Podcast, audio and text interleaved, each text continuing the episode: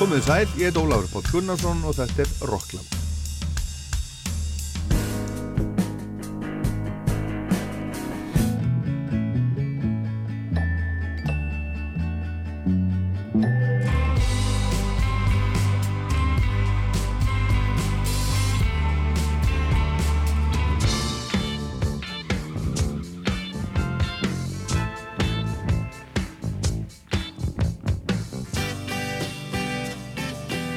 Þessum þætti í dag ætlum við að hlusta á lög eða lagabúta fullt af lögum af ymsum blöðum sem bresku músikblöðin sem ég til dæmis kaupi reglulega og búin að kaupa í meirinn 20 ár segja að séu bestu blöðurna sem komu út á síðast ári. Þetta eru blöður sem að þessi, þessi blöð sem heita Mojo og Uncut segja að séu bestu blöður ásins 2023 þetta eru, þetta eru svona sérfræðingahópur á vegum þessara, þessara tímarætta sem að segir það, er að segja, bladamenninir og gaggrinnendunir þeirra og, og, og svona einhvern fólk þar ábyggilega í kring. Og ég hef ekki heyrt næri allt sem er á þessum listum, þetta eru marga plötur, ég þekk ekki einu svona öll nöfnin og þetta, þetta fólk og það er ímislegt sem kemur óvart. Mér finnst þetta ekkit endilega allt frábært og maður veldi stundu fyrir sér hvers vegna hitt eða þetta er á þessum listum og þá er ég að meina stóru listanum. Þetta er, þetta er gert alveg uh, svona top 50 en það er alltaf gaman að fara í gegnum svona lista og maður heyrir alltaf eitthvað sem manni finnst skemmtilegt þegar uppi staðið, eitthvað nýtt. Og ég held að þeir sem verður að hlusta séu ekkert öðruvísi heldur en ég ef þið hafið gaman af músík og að heyra eitthvað sem þið hafið kannski ekki heyrt áður og heyra hvað eh, sérfræðinga hópi, svona tónlistar tímar þetta fyrir standa upp úr eftir árið án tillits til vinsalda, þetta er nefnilega ekki allt vinsald þó að það þykji gott og svo öfugt, það er ekki allt kannski frábært sem er vinsald, að ég veit það ekki. En ég mæla allavega með að þið hlustið. Og þetta er alls ekki allt eitthvað, eitthvað skrítið, alls ekki þannig. Bara alls konar, alls konar músík, þetta er pop og rock, þjóðlaga, tónlist, jazz, hitt og þetta. Og byrjum á Mojo. Þetta er, er, tónlistatímaritt sem var sett á laginnar árið 1993 og var þá hugsað fyrir aldurshópin 30 til 45 ára. Uh, Bob Dylan var framann á fyrsta blæðinu og, og John Lennon og, og, og þetta hefur verið kannski grundtótnin, svona bítladnir Rolling Stones, Bob Dylan, Neil Young, Pink Floyd og eitthvað svona. En svo er alls konar nýtt auðvitað sem að fjalla um hérna líka, að sjálfsögðu. Og Mojo gerir alltaf áslista top 50 og um listan sinn segja þau núni ára að, að árið 2023 hafi verið svolítið ár kraftaverka. Rolling Stones, Deepest Mode og Julie Byrne hafi, hafi haft betur gegn manninu með ljáin Trompet Jamie Brands hafi gert marga góða hluti Ian Hunter og Everything But The Girl áttu gott ár þjóðlaga tónlistin niklaði vöðvana blör mundi eftir að vera blör og svo framvegis og svo framvegis. En við ætlum að skoða top 20 listan hérna í þessum þætti í dag bæði Mojo og Uncut þannig að við ætlum að fara að hlusta á fullta músík ekki heil lög en við ætlum að fara í gegnum top 20 og ég get næstu því lofa að þetta er skemmtilegt, það er margt, margt skemmtilegt á þessum, þessum lista. Og við byrjum á top 20 hjá Mojo. 20. seti, það er Pretenders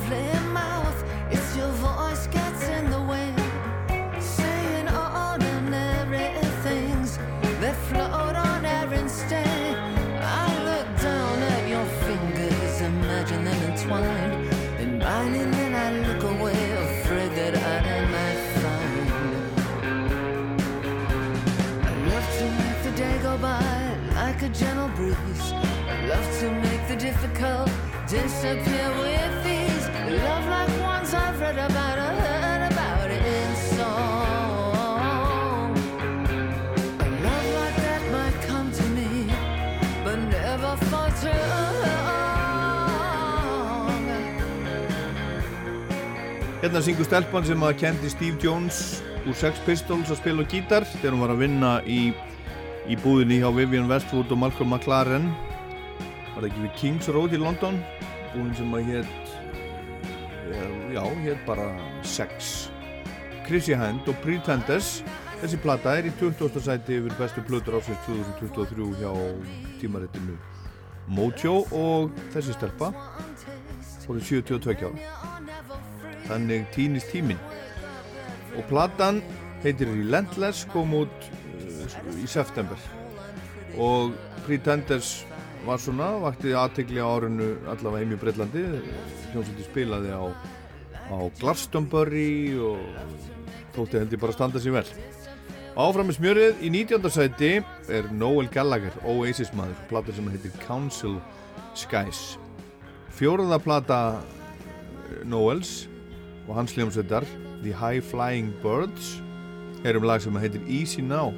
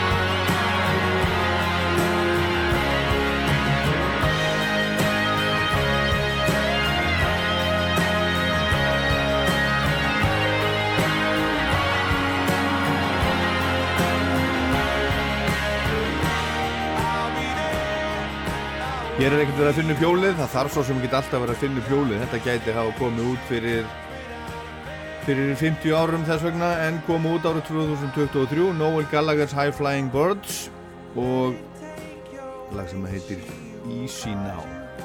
Og þá voru margir sem að byða eftir tilkynningum um það núna á síðast ári að þeir ætluðu nú bara að, að grafa stríðsaksirnar Noel og litli bróður hans Liam og sameina Oasis aftur.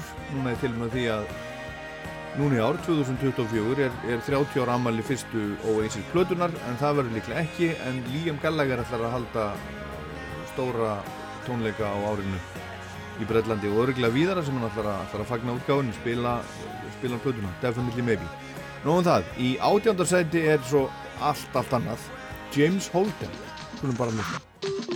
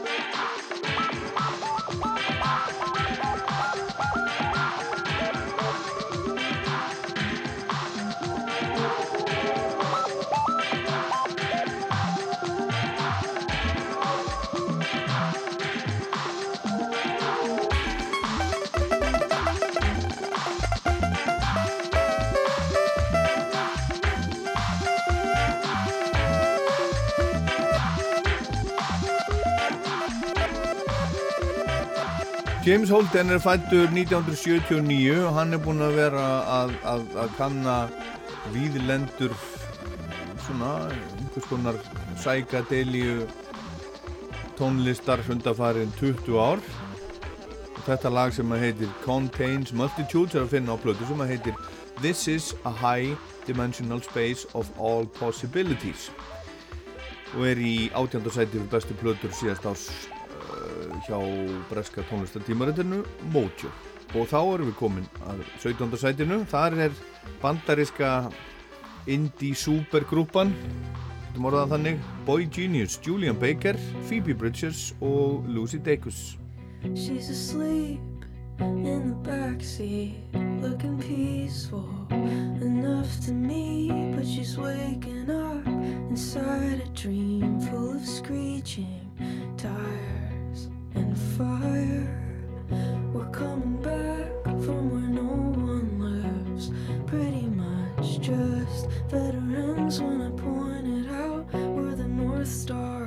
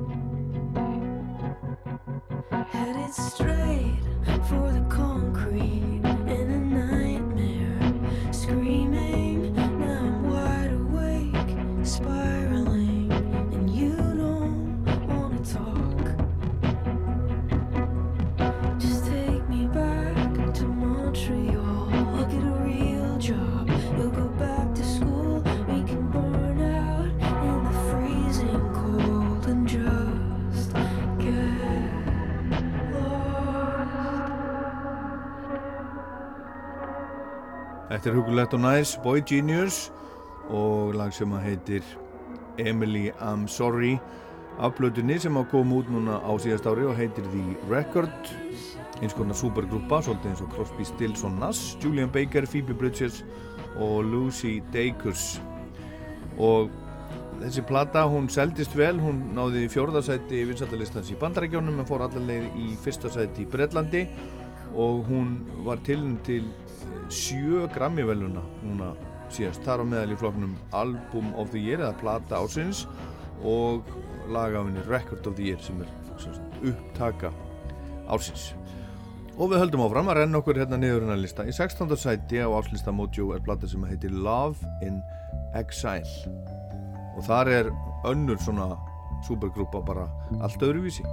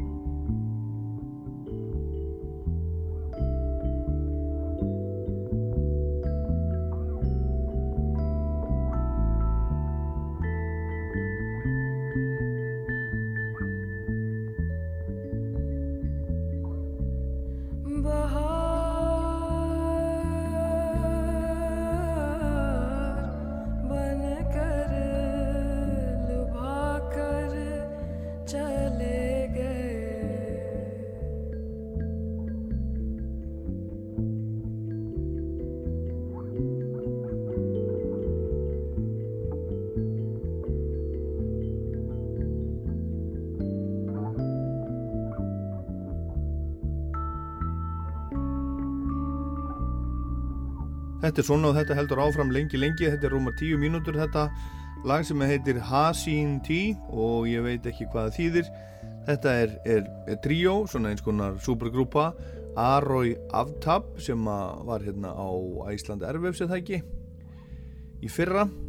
Og svo er það Shashat Ismaili sem er bassarleikari spilaði til dæmis með Bob Dylan á plötunni Shadow Kingdom og píjónleikari sem að heitir Vijay uh, Layer.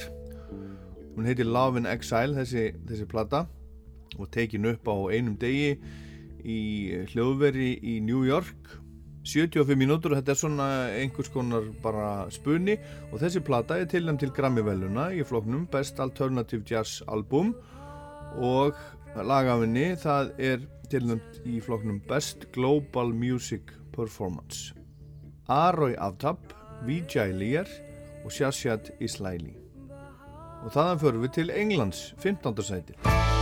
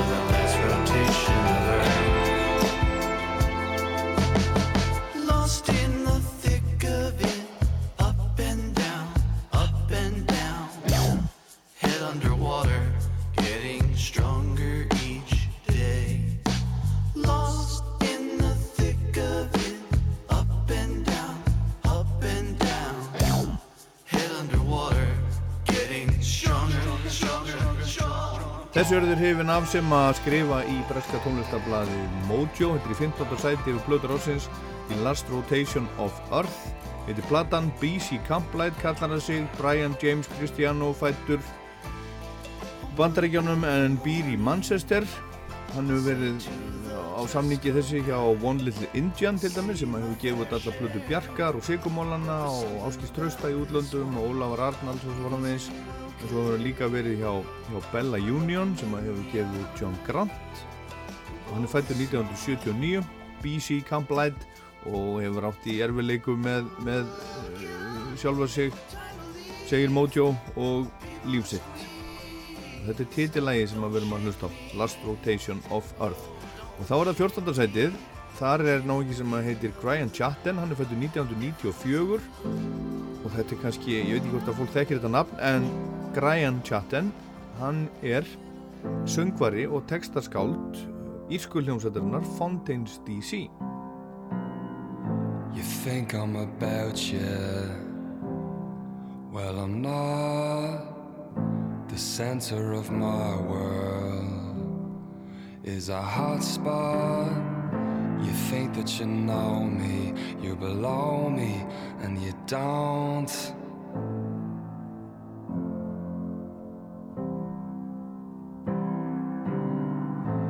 All of the people they can fly straight to that white hotel. Open the sky.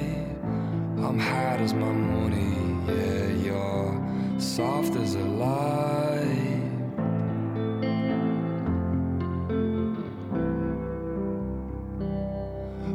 A smile could be made so endless. Just happy, free, and friendless. No paper, lending, just time, spending. Yeah. Grian Chatten, fættur í Englandi 1994, mammans ensk, pappans íri. Við fluttum til Írlands í eh, Dublin eða útkværi Dublin þegar Grian var, var 12 ára. Hann fikk mikið áhuga á músík snemma og ljóðagerð líka. Og hann stopnaði svo Fontins DC með vinnu sínum árið 2017 þessi plata fór algjörlega fram hjá mér. Ég á örglettir að, að láta þetta rúla svolítið. Ótrúlega falleg rödd, hæfileika ríkur ungu maður og, og, og bandið hans líka frábært. Fontins DC, þeir ætla nú að láta þessi kveða á þessu ári. Og höldum áfram, hér er 13. sæti á þessum lista hjá Mojo. Þetta er einhvers konar blanda af, af jazz og post-rocki og ambient og öllu mögulegu. The Necks frá Ástralíu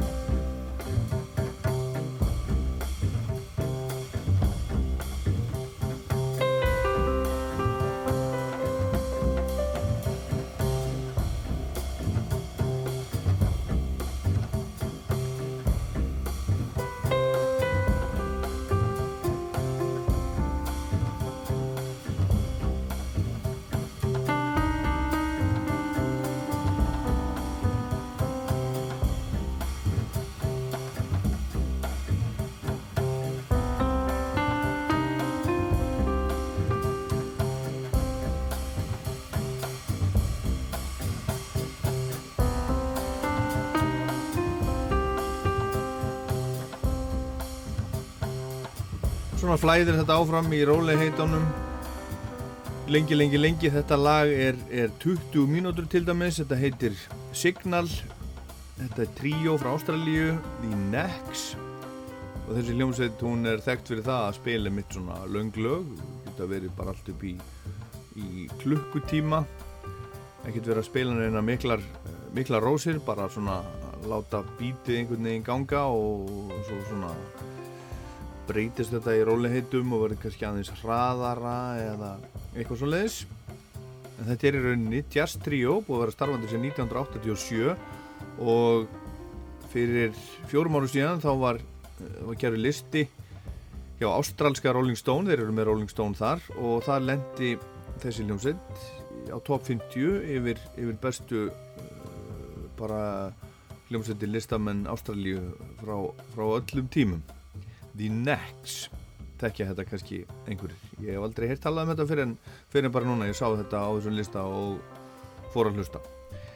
Og í tólta sæti á lista Mojo er hljómsveitin The Coral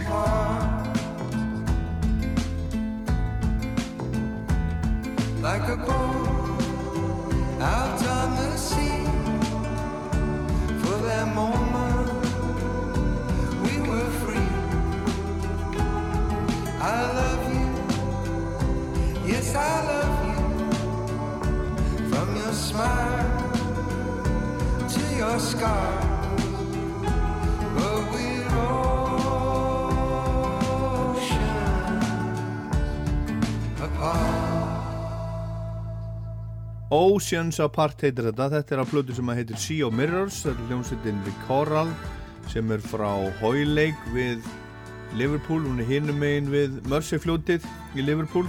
Fyrir þá sem að hafa, hafa komið þongað og átt að segja á, á aðstæðum.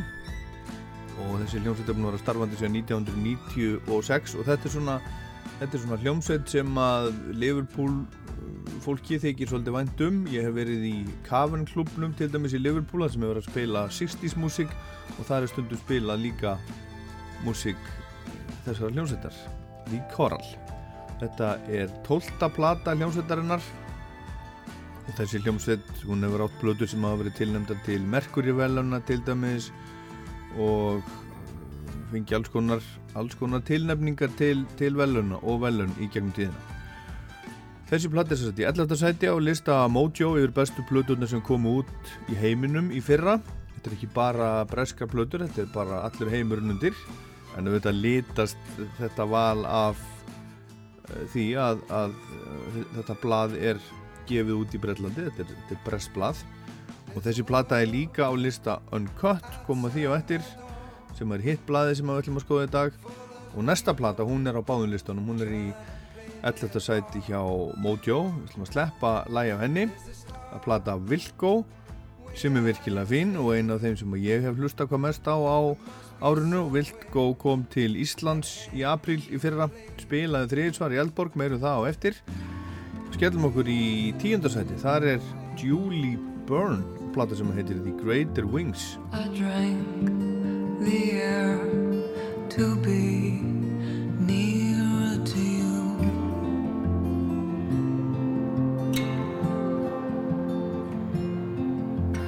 Voices widen through the room. Distant galaxy moon. I'm not here for nothing. Music in the walls.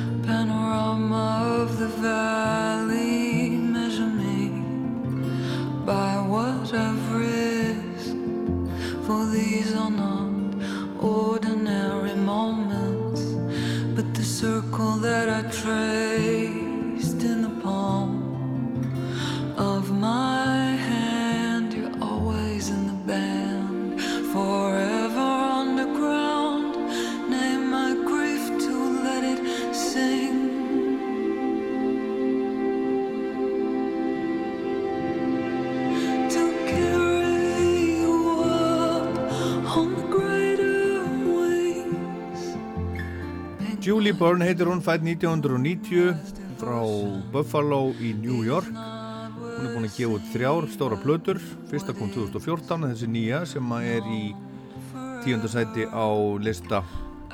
Mojo heitir The Greater Wings og þetta er títillag plötunar og þessi plata segir Mojo uh, þetta er fókusin á, á sorgina. En maðurinn hennar Julie eða, eða kærasti sem að var tónlistamæður líka Erik Littmann hann lést 2021, það var bara 31 árs og, og helsti svona músiklegi samstarfsmaður Julie. Og það er einmitt músikalspar sem á plötuna í nýjöndasæti kom heldur betur á orð, kom bara allt í einu plata með Everything But A Girl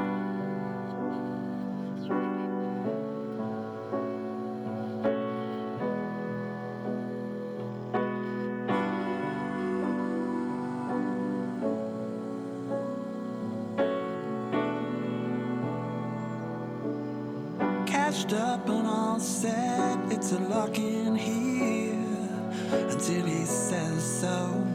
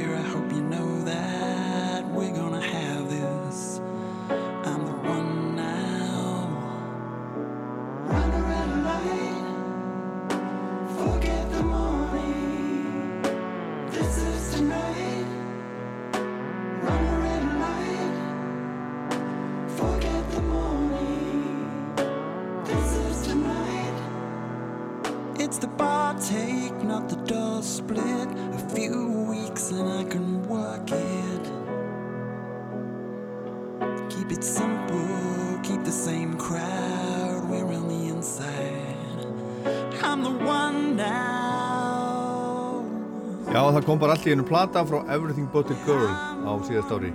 Þau eru hjón, Tracy Thorn og Ben Watt. Hljómsveitin var, var stofnuð í Kingston við, við Hull 1982. Þekktasta lagið þeirra heiti Missing, það var vinsalt árið 1994 og það liður 24 ár milli platna á milli 10. plötunar og 11. plötunar og hún er sem sagt nýja platan Fuse í nýjunda sæti úr bestu plötur síðast ás hjá breska tónlistablaðinu Mojo, þetta lag heitir Run a Red Light. Og svo er það áttundasætið, það er plata með Paul Simon.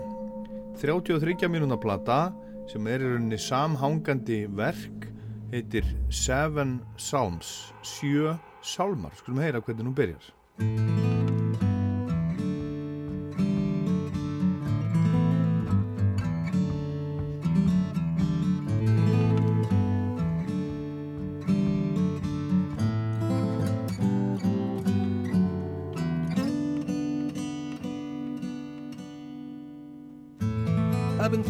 about the great migration. Noon and night they leave the flock, and I imagine their destination. Meadow grass, jagged rock. The Lord is my engineer. The Lord is the earth I ride on. The Lord is the face in the atmosphere the path I slip and I slide on.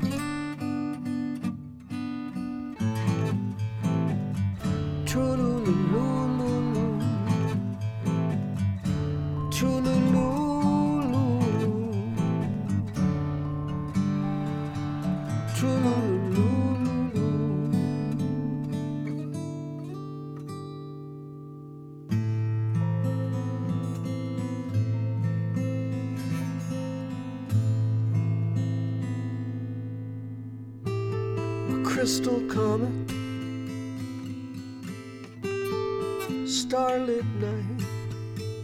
Paul Simon, 58 árum eftir að hann gaf út fyrstu plötunum sína 1965 hann er 82 ára gamall þetta er 15. soloplatan hans og hann er að spurja þarna spurninga um lífið og tilveruna er ekkert að koma með neinn svör hugmyndin af plötunni hún kom til hans í draumi og hann ákvað að vakna á nóttinni klukkan hálf fjögur og semja texta fyrir þessa vantarlega plötu. Og hann gerði það þrjá nætur í röð frá hálf fjögur til fimm cirka og eru sjö lög 33 mínútur.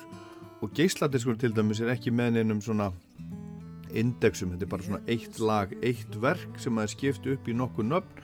Þetta er upphafið og heitir The Lord. Og þetta er bara ansi gott hjá Paul Simon okkar manni þannig ef þið hafið haft gaman af Paul Simon einhver tíman þá getið þið örgulega haft gaman af þessari plötu. Hann segist ennþá vera sami maðurinn og, og gerði fyrstu plötuna fyrir 58 árum síðan. Æðislegu gítarleikari, hann er að spila þetta, þetta sjálfur. Og við tökum bara ofan fyrir Paul Simon. Hún er í áttundasæti á, á lista Mojo og hún er líka á Uncut listanum þessi plata.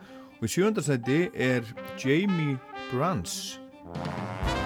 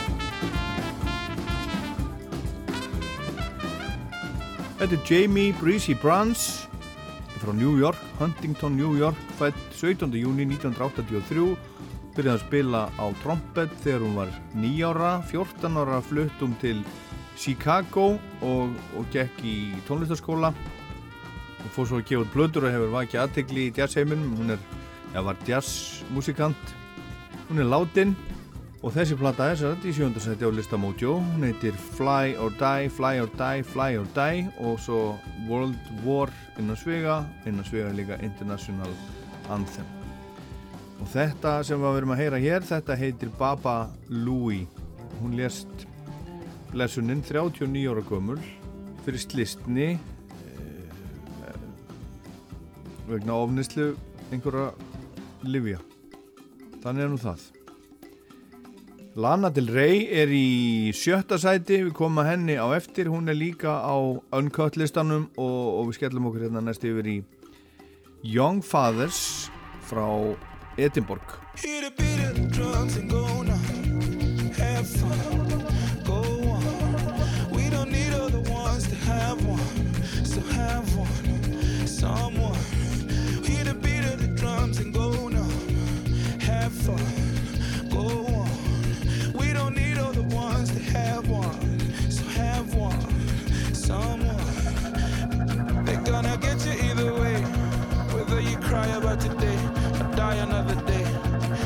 Sleep, but they say better stay awake. Faded colors into shade, turning matter into clay.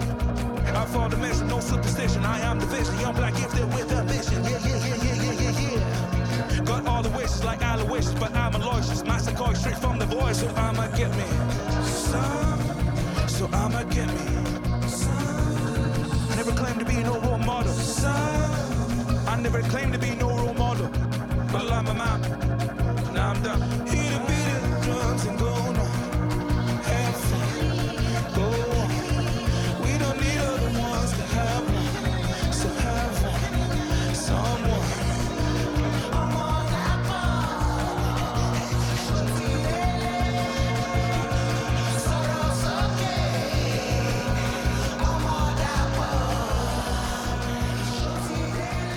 Young Fathers frá Edinborg í Skotlandi. Þessi ljónsveit spilaði á Æsland Airwaves fyrir tíu áru síðan og auðvitað misti ég af þessu. Ég hef alveg vilja, vissi ekki af þessu. Þeir spilaði á Gauknum, ljónsveitin var stofnuð 2008 en önnur plata þeirra, hún var einmitt valinn skorska plata ásins árið 2003 og þeir fengu Mercury velunum 2014 fyrir, fyrir, fyrir plötunum sína Dead og þetta lag er af nýjastu plötunni sem heitir Heavy Heavy og er í 5. sæti úr bestu plötur ásins árið 2023 hjá breska blæðinu Mojo. Og hún er tilnæmt til Mercury velununa núna í ár. Þetta lag heitir Drum. Og þá förum við aftur til Ástralíu. Þaðan kemur Robert Foster sem var í hljómsveitinni Go Betweens. Og hann gáði plötu á árinu sem heitir The Candle and the Flame. Hún er í fjórðarsæti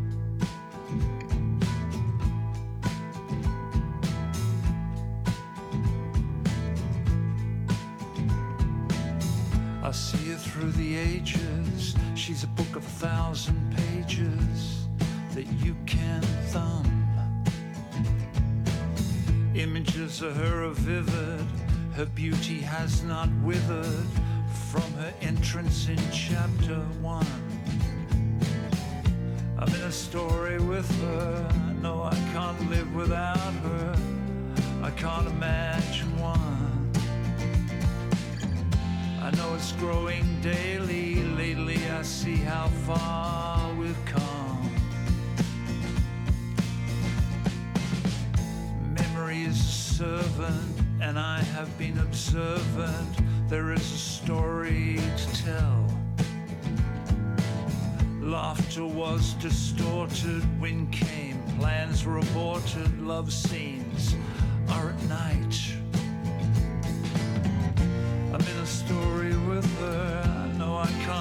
Without her. I can't imagine one. Walking through salt and water, I see how far we've come. Time is important. Timing is more important without it. a story can end. Robert Foster, hann var í hljómsveitinni Go-Betweens eh, sem var stopnuð árið 1977 svo listist hún upp og hann hefur verið að gera gera músík upp á eigin spýtur í mörg ár. Alveg bara í meira en 30 ár og þetta er sér á nýjustu blöðunast í Candle and the Flame sem að hann e, e, tilengar látinni konu sinni það var á COVID-tímanum þá, þá greindist hún með krabbamein Karin Baumler, hún spilar á blötunni og börnið þeirra tvö. Og þetta lag er sem sagt af henni áttunda soloplatan hans. Þetta heitir Tender Years. Og áfram með smjörið. Í þriðarsæti er platan Fals Langum með írsku þjóðlaga hljómsveitinni Langum sem að eh, sem að músikpressan segir að, að sé svona eins og eða þar sé þessi plata sé eins og OK Computer eða Dark Side of the Moon nútíma þjóðlaga tónlistarnar við skoðum það betur á eftir. En í öðru sæti á listamódjó er PJ Harvey og plata sem heitir I Inside the Old Year Dying. Og hún er líka á Uncut listanum og PJ Harvey hefur spilað á Æsland Airways og við skulum heyra hérna titil af blötunar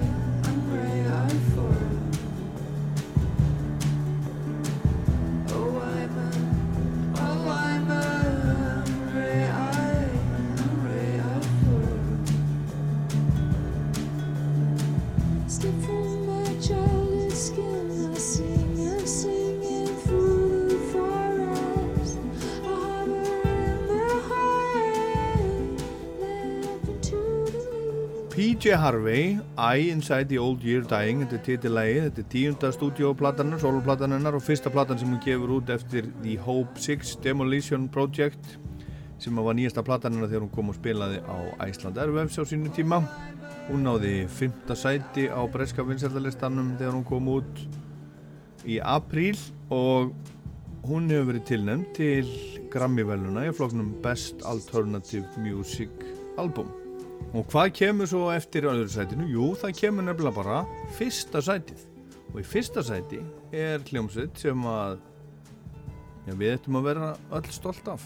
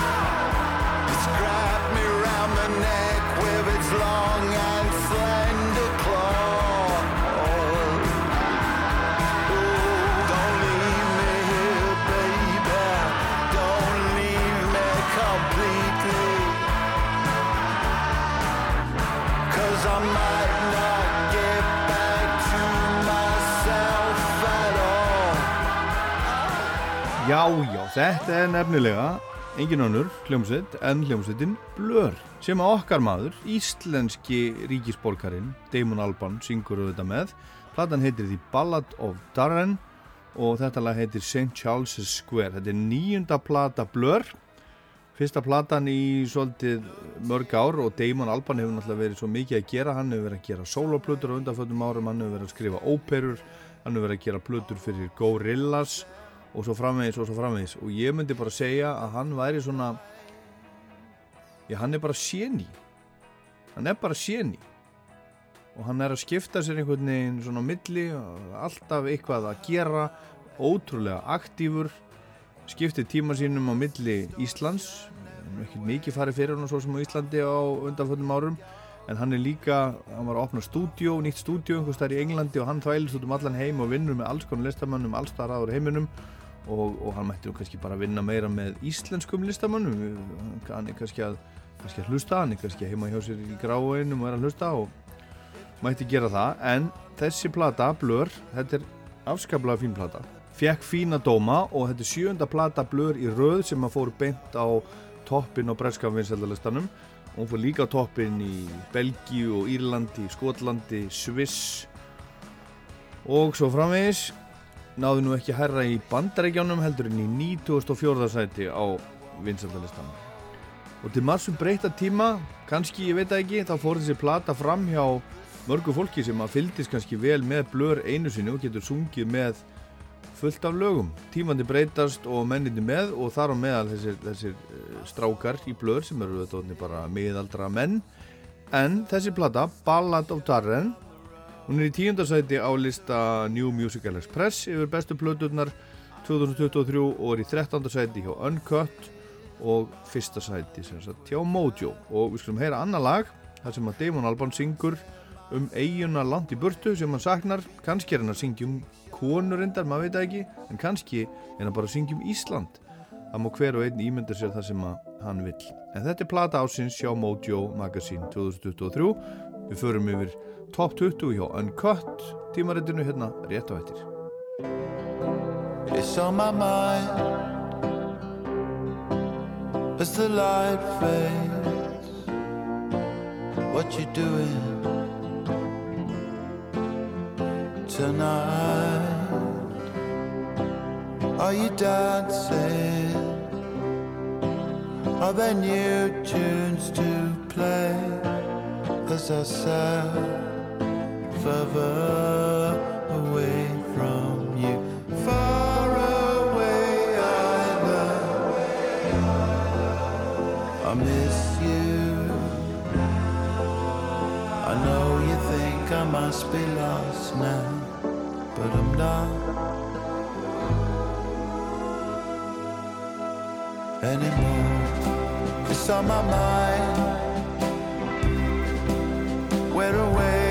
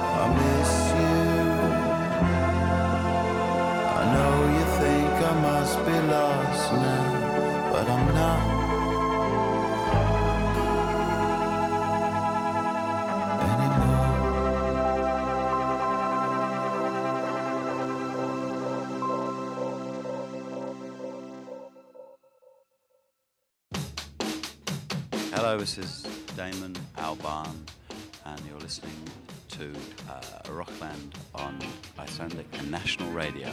TAC.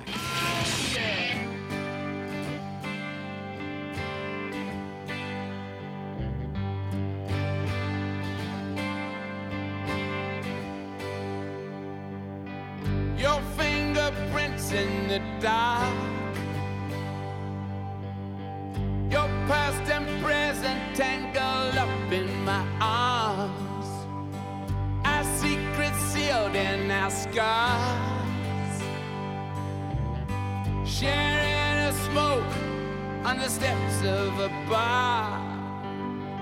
I was convinced I had your heart in my hands. I was making love, but you had different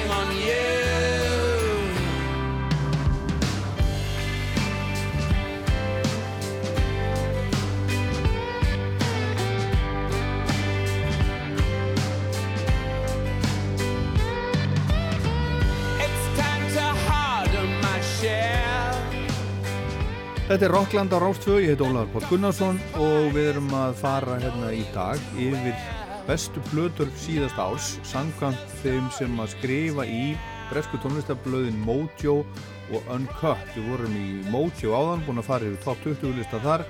Þar var platan fyrsta sæti, nýja platan með Blur, Ballad of Darren sem kom út í fyrra, þetta er allt þetta plötur sem kom út í fyrra og nú er það Uncut og þetta sem við heyrum hérna er lag af nýju Rolling Stones plötunni eða sem kom út í fyrra.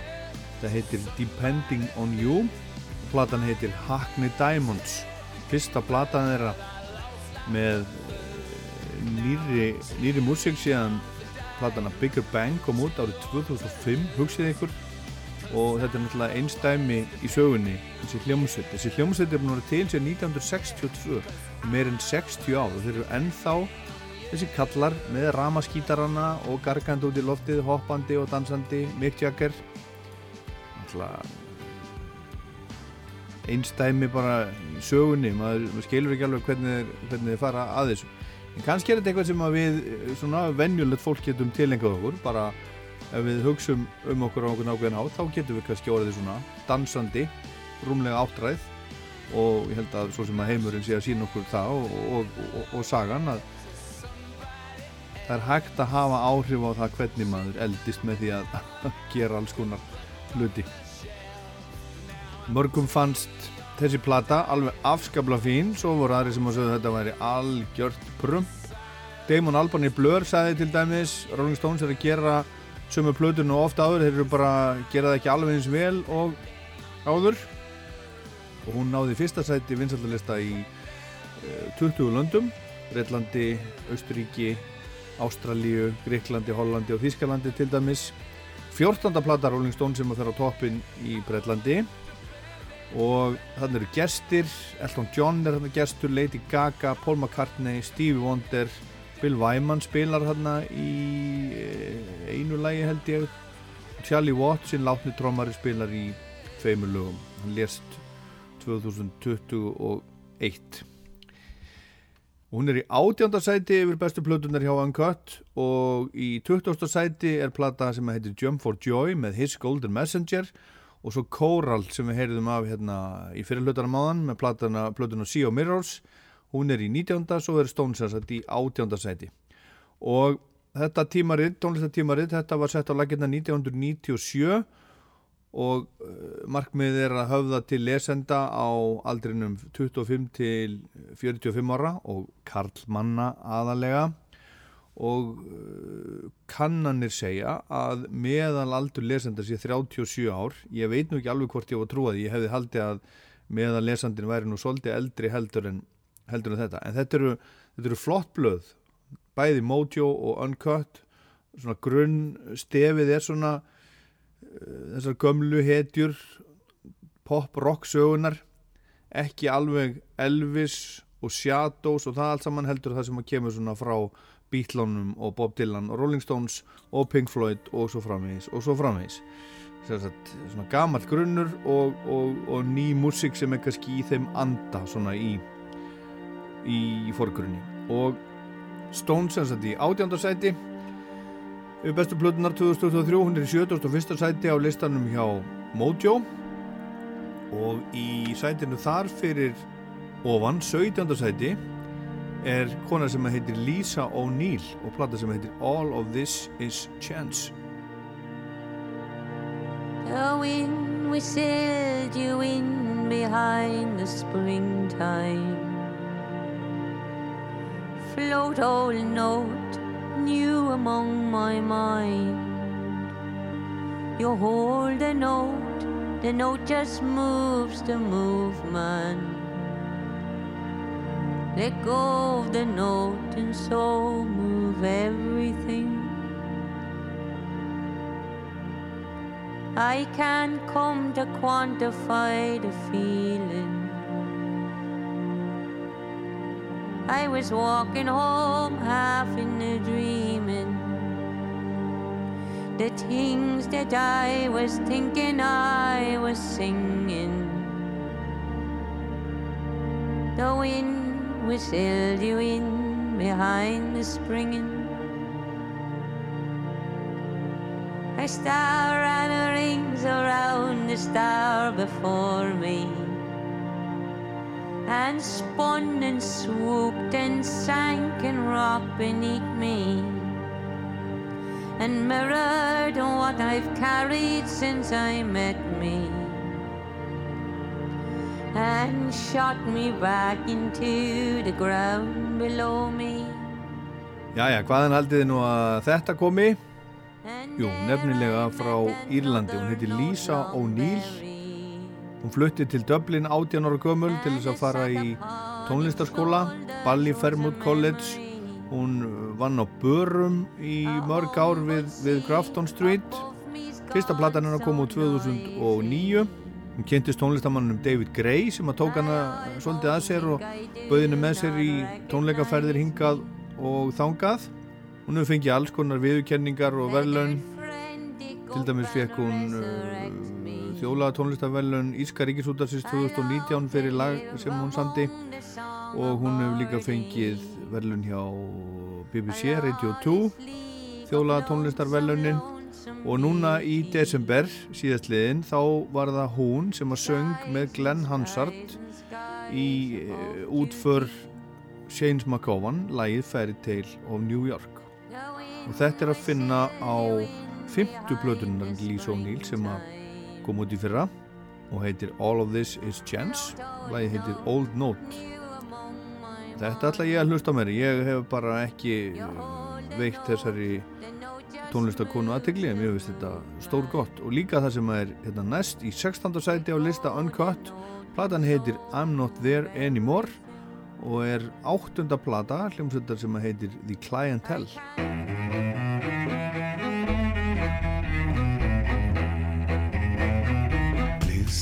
sky.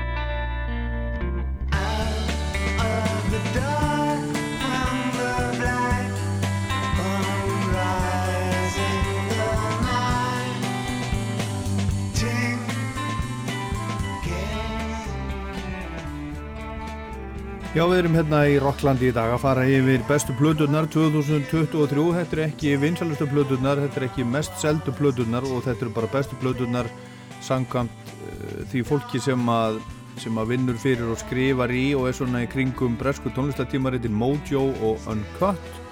Þetta er af áslistónu þeirra og við tókum Mojo listan hindi fyrir hlutan og nú er það Uncut, tímaritið Uncut og þetta er sem sagt hljómsveitin Clientele sem kemur frá London, búin að vera starfandi síðan 1991 Læði heitir Fables of the Silver Link og platan sem er þetta í 16. sæti heitir I Am Not There Anymore og þá förum við í 15. sæti þar er bandarisk ung country söngkona Margot Kilker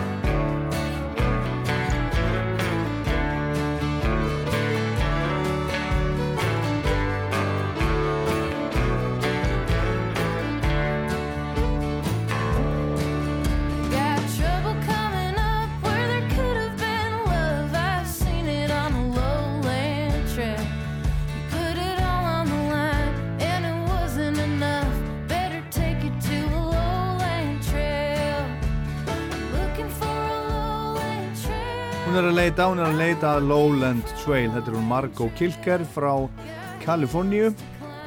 Fyrsta platan hennar kom út árið 2021 og nýja platan hennar sem heitir Valley of Hearts Delight þykir ein, ein af svona bestu amerikana country plötunum sem að koma út á síðast ári. Alveg upp í Kaliforníu en býr núna í Washington fylki einhvers staðar, Kilker. Og áfram rennum okkur niður listan eða upp listan, við erum komin í 14. sæti. Þar er, er fjórða plata Corinne Bailey Ray sem að skaut upp á, á stjörnuhiminin árið 2006 með lægi sem heitir Put Your Records On. Það munar kannski einhver ykkar eftir því. Mikið spila hérna á Rástvö á sunnum tíma. Svo hefur einhvern veginn, ég hef allavega ekkert veitt henni mikla aðtegli hún er nokkur ár en hún gáði plötu fyrra sem er bara eina plötu másins segja þér hjá Uncut að minnstu gusti og þetta er bara ansi gott. Heyrum titil lag plötunar það heitir Black Rainbows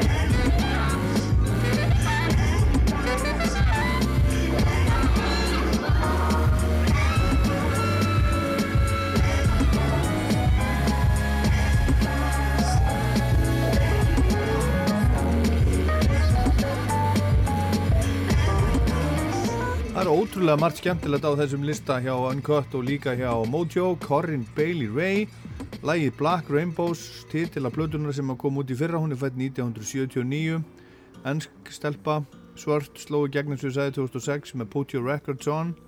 Og BBC sett hana á toppin á því sem þeir, þeir kalla eða þau Sound of BBC 2006 sem sagt, hún var, var bjartasta vonin hjá þeim þá hún var tilnæmt til þrenra Grammy-veluna fyrir fyrstu plötunum sína og Brit-veluna og svo framvegis. Og 2008 fekk hún Grammy fyrir eh, plötu ásins á plata sem, a, sem a, hún gerði með Herbie Hancock River, The Joni Letters. Hún var tilnæmt til Mercury-veluna 2010 og hún fekk svo Grammy 2012 fyrir sína útgáðu af Marley-læginu Is This Love. Og þannig mætti bara lengi telja. Og þessi plata hjá henni er undir áhrifum frá uh, listasýningu um sögu blökkumanna sem hún, hún fór og sá í Chicago. Það sem er að tala bara um, um þrælahald og, og lifa það af og frelsi og von og allt mögulegt. Og þessi plata hefur fengið afskaplega flotta dóma. Það er alls konar músík á þessu. Það er svona bílskúsrock og, og, og, og það er jazz og það er allt mögulegt. Og meira blör er í sætinu þarna fyrir ofan 13. sæti. Við erum búin að heyra, heyra á henni. Hún var plata ásins hjá Mojo. Þurfum ekkert að, ekkert að heyra neitt meira á henni. En svo er það 12. sætið. Þar er breska rocksveitin Slowdive og plata sem heitir Everything is Alive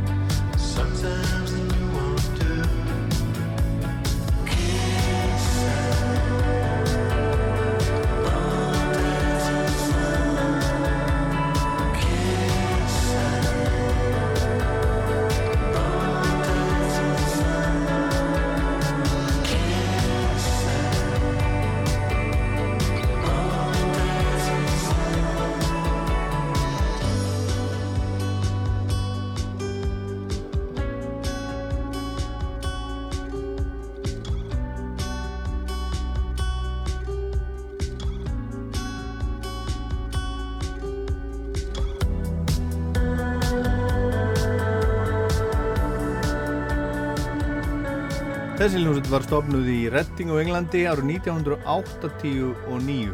Fyrsta platan kom 1991 og þessi sem kom út í fyrra er bara platan nr. 5, heitir Everything is Alive og þetta lag heitir Kisses. Og þessi plata hefur fengið eins og margar af þessum plötum sem er á þessum lista hjá Uncut og hjá Mótjórunda líka, fengið fína dóma, ekki kannski selstneitt brjálega alltaf mikið en hún fór þó og náði í sjötta sæti vinsættalistans í Breitlandi og toppsæti óháða vinsældaristans eða Independent Albums. Michael Jason Isbell eða Jason Isbell eins og hann er yfirleitt kallaður hann er fættur í bandarækjunum árið 1979 hann var uh, meðlumil hljómsveitarinn Drive by Truckers frá 2001 til 2007 en hann rekur núna sína eigin hljómsveit sem hann kallar The 400 Unit Hann hefur nælt sér í ferð Grammy-velun á undanfötum árum og platan sem að hann sendi frá sér í fyrra heitir Weather Vanes og hún er í 11. sæti á áslista Uncut. Ég er lag sem heitir Strawberry Woman.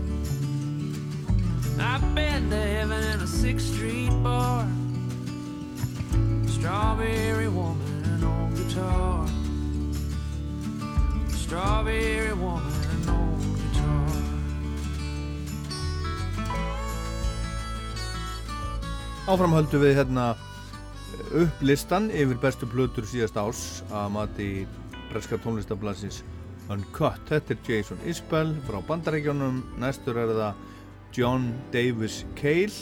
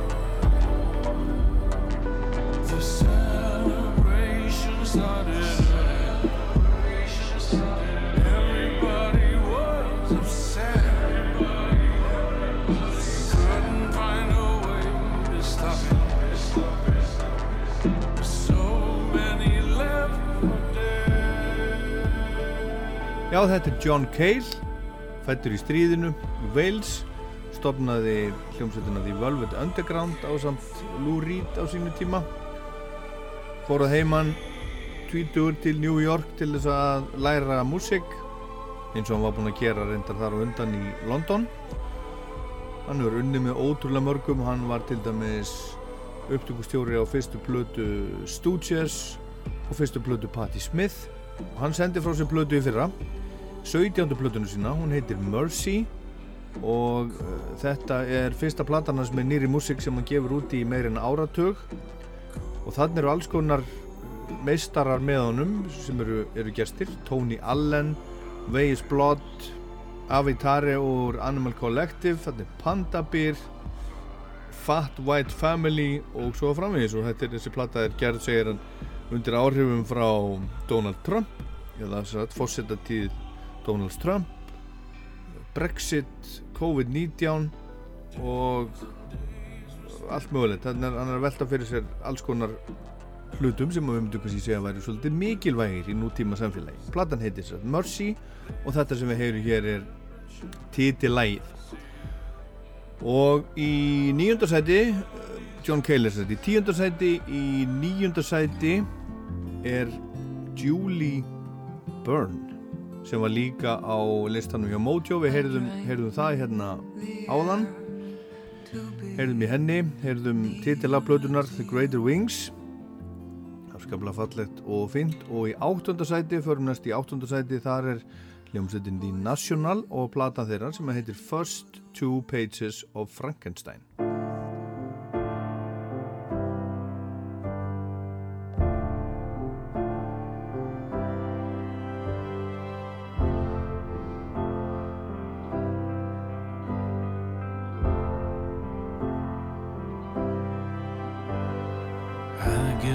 myself twisted in threads to meet you at the icon.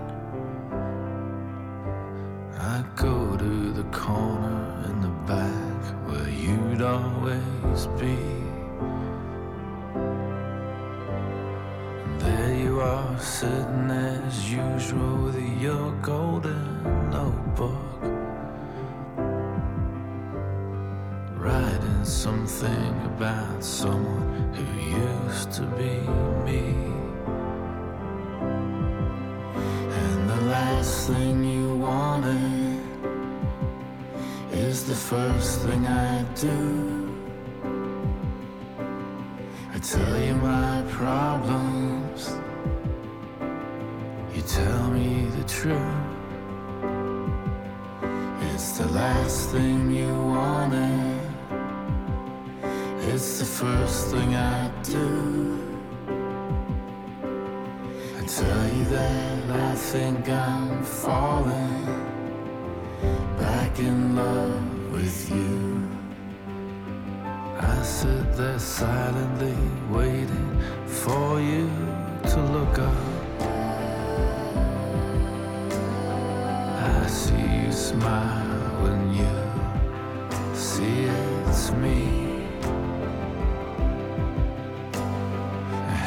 Do something to break into your golden thinking. National frá Cincinnati í Ohio. Þeir gera það nút en, en hljómsveitin var enda stopnuð bara í Brooklyn í New York ára 1999 og þarna er með þessum köllum sem eru til dæmis vinir hans Ragnars Kjartanssonar Rasa Prump úr, úr Trabant og Cozy og Taylor Swift National tekur þátt í það er verk á stóru síningunans Ragnar sem að sem að var í Louisiana listasafninu í, í Danmörku fyrir, fyrir utan Kaupmannahöfn. Þar er sérstaklega verk sem að þeir tóku þátt í með Ragnari sem að þeir spila lag aftur og aftur og aftur og aftur og aftur, og aftur, aftur mjög, mjög skemmtilegt. En þannig eru þeir sérstaklega með, með Taylor Swift hún er, er gestur á þessari plötu. Og það eru fleiri gestir heldur en Taylor Swift á plötunni, Phoebe Bridges er þarna og Sufjan Stevens. Þetta er nýjunda plata National hún, hún fór í fjórðarsæti vinsættilistans í Breitlandi fyrsta sæti Independent listans og fjórtandasæti á stóra vinsættilistanum í bandarækjum þetta heitir The Alcott. Og áfram höldum við í sjönda sæti það er plata sem að heitir Oh Me Oh My og það er listamaður, alliða listamaður myndlistar og tónlistamæður sem heitir Lonnie Holly. A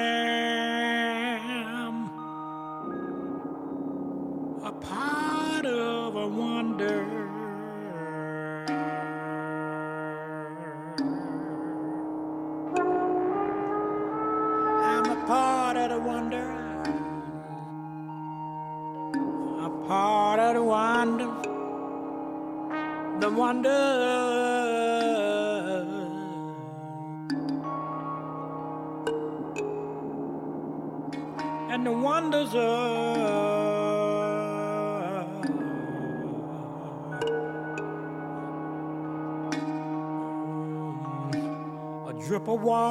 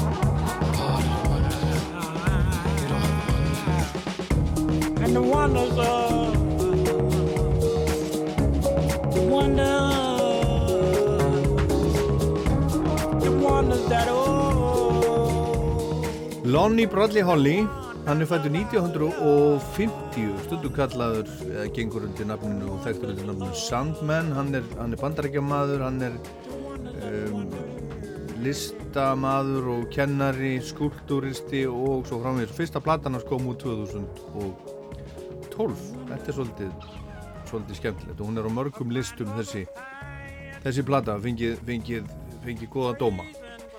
Og Lana Del Rey, hún á plötuna sem er í sjötta sæti á lista Uncut hefur bestu plötuna 2023. One, two, ready. I'm gonna take mine with you, with me. Ah, mine. Say it again. Mine of you with me. Thank you. One more time. One, two, ready. I'm gonna take mine of you with me. I'm gonna take mind of you with me. I'm gonna take mind of you with me. Like Rocky Mountain High, the way John Denver sings.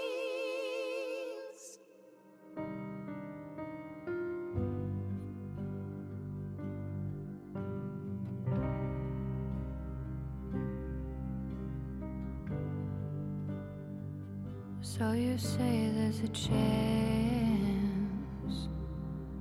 for us? Should I do a dance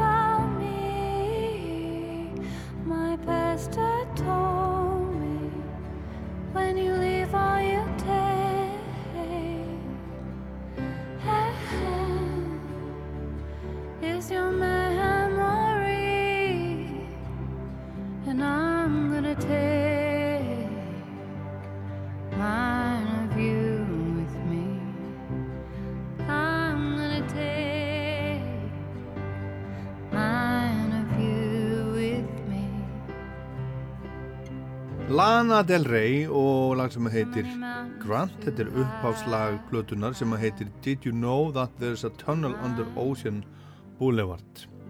Þetta er níunda plata Lana Del Rey og þannig er alls konar gestir og samstarfsmenn. Father John Misty Bleachers, John Batiste og margir margir fleiri. Hún saði frá því fyrir rúmu ári í viðtali í desember 2022 þessi plata væri að koma hún kom út í mars og svo fór hún og fylgdi hann eftir með, með tónleikum og, og kom fram á tónlistarháttíðum eins og til dæmis Primavera Sound og hún kom fram á Glastonbury.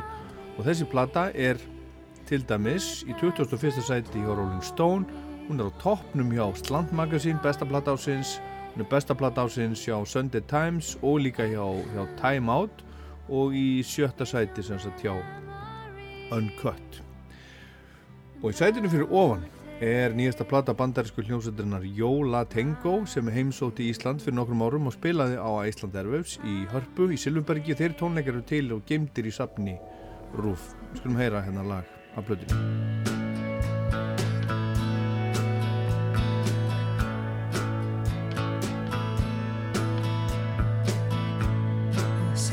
still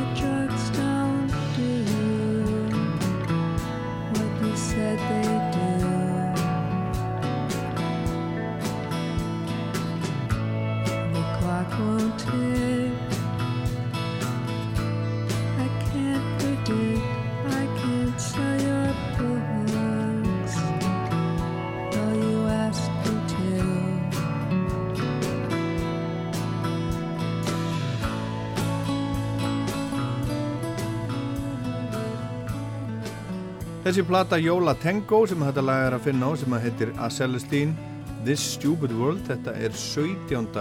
plata hljómsveitarinnar Þetta er einn af hljómsveitunum sem að Kitty Kanina, Kitty Hljómalind kynnti fyrir íslenskum ungdómi á sínum tíma í Hljómalindinni á lögaveginum en Jóla Tango er spænska og þýðir You Got It hljómsveitinu frá Hoboken, New Jersey og Ég og Kitty fórum með mitt saman þegar þau kom og spiluðu hérna á Æsland Erfus líklega 2013 hittum Æra Kaplan, gítarleikara og söngvara á hótelinu sem þau voru á hérna. Einhver staðar ekkert langt frá hörpu og tók við hann ágættis viðtal sem að, sem að var í Rocklandi á sínum tíma. En þetta er sem sagt platan sem er í fymta sæti yfir bestu plötur ásins 2023 hjá Uncut Magazine.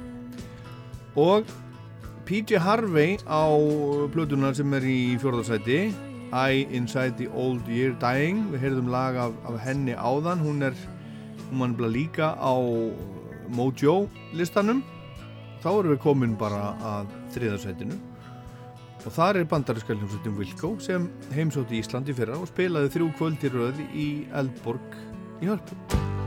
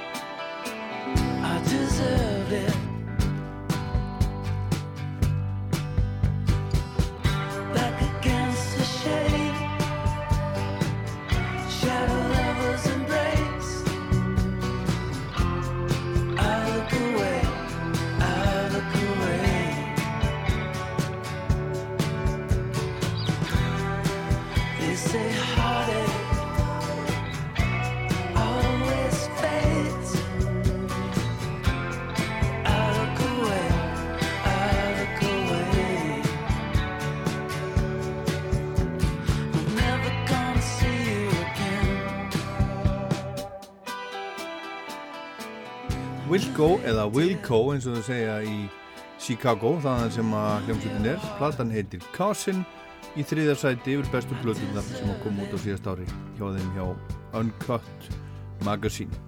Og í öðru sætinu þar er platan með Paul Simon sem að er á Mojo listanum líka. Ég spilaði upphafið af blöðun áðan þetta er, þetta er sem sagt 30 og þrjár mínútur. Þetta er, er heilt verk sem er skipt upp í sjö kabla sjö sálmar. Það sem að Paul Simon er að velta fyrir sér. Lífin og tilverunni, spurja spurninga. Og þó hann sé orðin 8-10 og, og, og tveggja ára þá er hann kannski yngum nær, hann er ekki mennin svör segir hann, hann er bara að spurja. Skulum heyra aðeins af blötunni meira, við heyrðum á hann upphafið, lag sem að heitir Lord. Lag sem að heitir The Lord, skulum heyra núna restina eða hluta af endinum á þessu heitir Your Forgiveness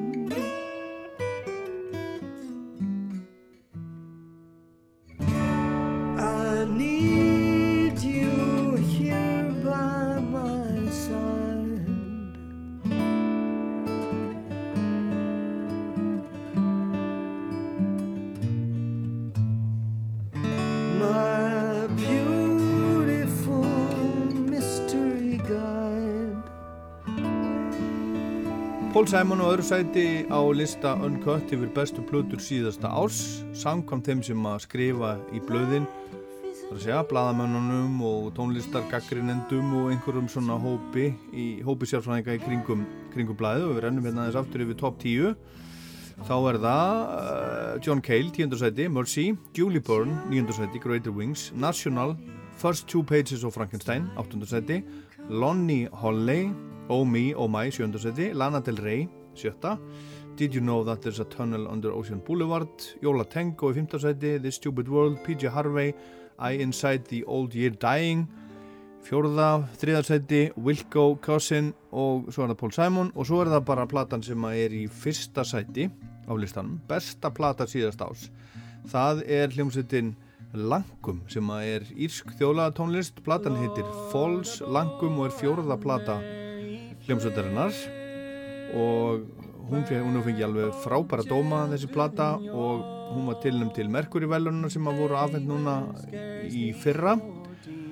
Og hún fór hæst í annarsæti á vinsaldalistanum á Írlandi og þetta er svona, þetta er ekki þjóðlega tónlist eins og Dubliners eða ekki heldur eins og Pokes þetta er, þetta er svona einhvern veginn þetta er svolítið annar, annar litur og þetta er í rauninni hljómsveit sem er, sem er byggð á grunni e, bræðra hljómsveitar sem að hétt Linst Ian Lins og Darragh Lins stopnuðu þá eh, hljómsveit árið 2003 eftir að annar þeirra kom heim hafði verið að flakka um Evrópu og, og spila.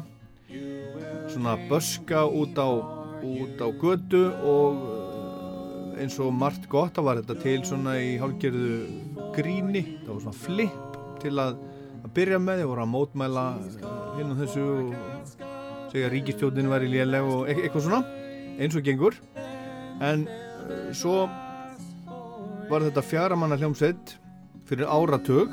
Þá kom inn í hljómsveitina söngkonna og, og hljófarleikari sem heitir Rati Pete og fiðluleikari sem heitir Cormac McDiarmata og þau gafu út fyrstu plötuna 2014 fyrir áratug heitir Cold Old Fire. Svo kom plata 2017 og þá fenguðu uh, verðlaun Íska Ríkisútarsins þjóðlaga verðlaun Íska Ríkisútarsins og hún Rati var valinn þjóðlaga söngkonna ásins og svo, svo hafaði verið svona að, að sapna alls konar viðurkenningum. Og svo kom þessi plata út núna í fyrra og hún er þriðja besta platan hjá Mojo. Hún er í fyrsta seti hjá Uncut og hún er líka í fyrsta seti hjá Guardian til dæmis. Og þetta er svolítið merkilegt. Maður hugsa hvað er eiginlega gerast í músikheimanum? Þar að segja þessum hluta hans eða, eða Kima sem er að fjalla um tónlist eins og þessi blöðu gera Mojo Uncut. Auðvitað er þetta ekki einhverju heila og sannleikur þetta er ekki uh, uh, neinn biblía þannig lagað en þetta svona segir ákveðna sögu á þessum listum allavega top 20 það er lítið elektró ekkert autotune, lítið sem ekkert rap lítið af rap tónlist og þetta er allt svona meira og minna lífrænt, spilu, músík og sungin án effekta og stæla svona yfirleitt. Og Merkuri velunni bresku sem eru afhend fyrir bestu plötu ár hvert fóru til jazzljómsveitar sem heitir Ezra Collective og ef við skoðum Merkuri velunni til dæmis núna síðusta áratugin til dæmis þá var það Young Fathers 2014 Benjamin Clementine 2015 Skepta 2016 Sampa 2017 Wolf Alice 2018 uh, Dave sem er bresku rappari 2019 Mikael Kivanuka 2020, Arlo Parks 2021, Little Sims 2022 og svo Estra Collective 2023 og plata ásins sem sagt já Uncut er ekki punk eða rock eða rap eða elektro heldur þjóðlaga tónlist svona kannski nútíma folkmusík og hvað er að gerast spyr maður sig er allt þetta fólk sem velur þetta bara einhverjir, einhverjir gamli skápar eða eru blikur á lofti vilja eirun frekar hlusta á músík sem heyrist og skinnjast að það er handspiluð og sungin, ég veit það ekki. Ég hef ekki hugmyndu um það. Ég hef ekki hugmynd um það en ég velti þessu fyrir mér og mér finnst þetta áhugavert. Og við endum Rockland í dag á þessum húleðingum og á hljómsveitinni Langum laga Pluto ásins hjá Uncut. Fals Langum heitir platan lagið heitir Clear Way in the Morning. Og ég minni á að það er alltaf hægt að hlusta á Rockland á rú.is og í rúvappinu og ég var að uppfæra Rockland mæli með lagalistan á Spotify sem er hægt að fylgja. Og þar eru núna engöngu lög af þessum listum Mojo og Uncut sem ég er búin að vera að spila í þættinum í dag. Tjekkið endilega á því og fylgjið listanum. Þar að segja ef þið viljið, ef þið kærið ykkur um. Ég heit Ólaður Páll, takk fyrir að hlusta